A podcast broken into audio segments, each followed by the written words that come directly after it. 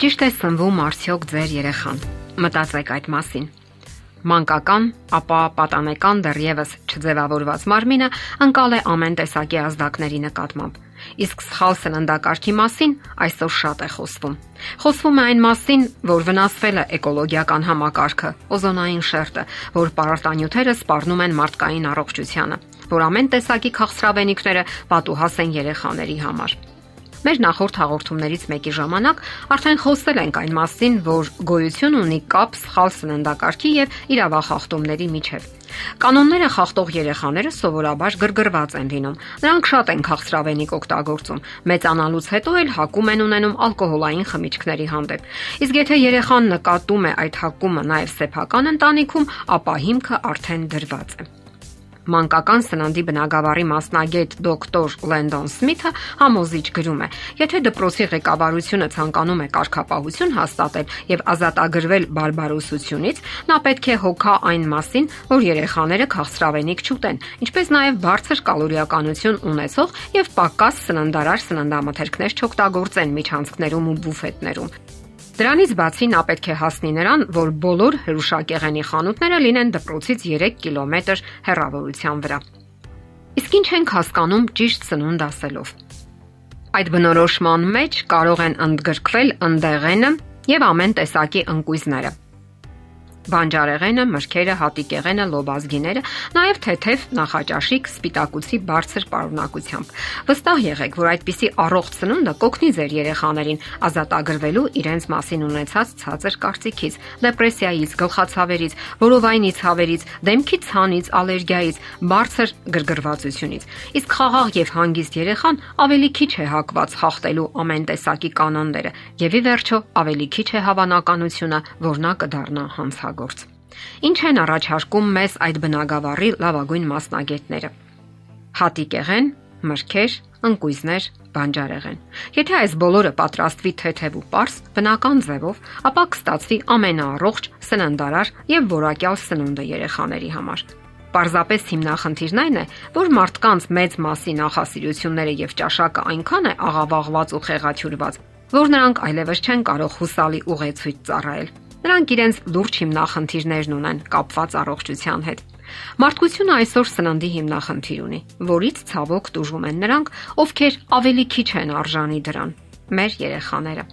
Մարդկանց սովորեցրել են բավականություն ստանալ կոնֆետներից, եւ երեխաները հատկապես գերադասում են քաղցրավենիքը օգտակար սննդից։ Այսօր միջին վիճակագրական հայը առավոտյան արթնանում է եւ ձեռքը գցում սուրճի բաժակին ու քաղցրավենիքի որևէ տեսակի։ Այդ դեպքում ինչ սпасել երեխաներից։ Արդեն անսովոր չէ տեսնել, թե ինչպես են երեխաները պատրաստի սուրճ վերցնում որևէ վաճառակետից եւ խմում դեմքի ամենայն լուրջ արտահայտությամբ։ Կարծես հենց այդպես էլ պետք է լիներ, եւ դրանում նրանք իհարկե նմանակում են իրենց ծնողներին կամ մեծահասակներին։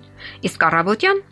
ինչ են գերել նրանք։ Հիմնականում ոչինչ, Նրանք դպրոց են շտապել քաղցած վիճակում, որpիսի այնտեղ լավագույն դեպքում ընդմիջումներին որևէ ֆաստ-ֆուդ կամ քաղցրավենիք կուլ տան։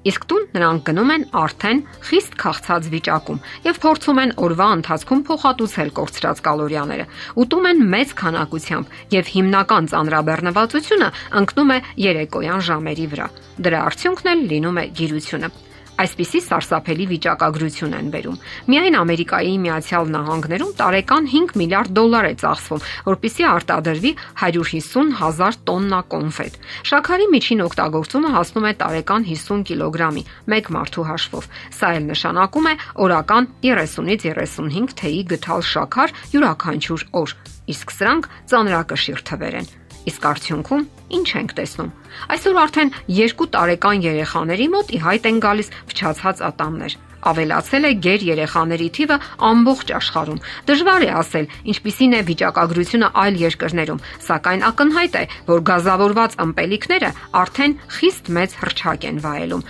Նրանք եկել են փոխարինելու հասարակ սառնորակ ջրին եւ լավագույն դեպքում մրգահյութերին։ Այս վերջինները մի ժամանակ անառարկելի հեղինակություն էին ծնողների եւ երեխաների համար, սակայն հիմա պատկերը միանգամայն այլ է։ Այսօր միջին դեռահասը տարեկան խմում է մոտ 500 շիշ գազավորված ըմպելիք՝ կոլա, ֆանտա, սպրայթ, սիրոպներ եւ այլն։ Ոչ ալկոհոլային առաջ շաքար պարունակող այդ ըմպելիքները փչացնում են ատամները, քանի որ թթուները քայքայում են ատամի էմալը, իսկ ավելորտ կալորիաները նպաստում են երեխաների ճարպակալմանը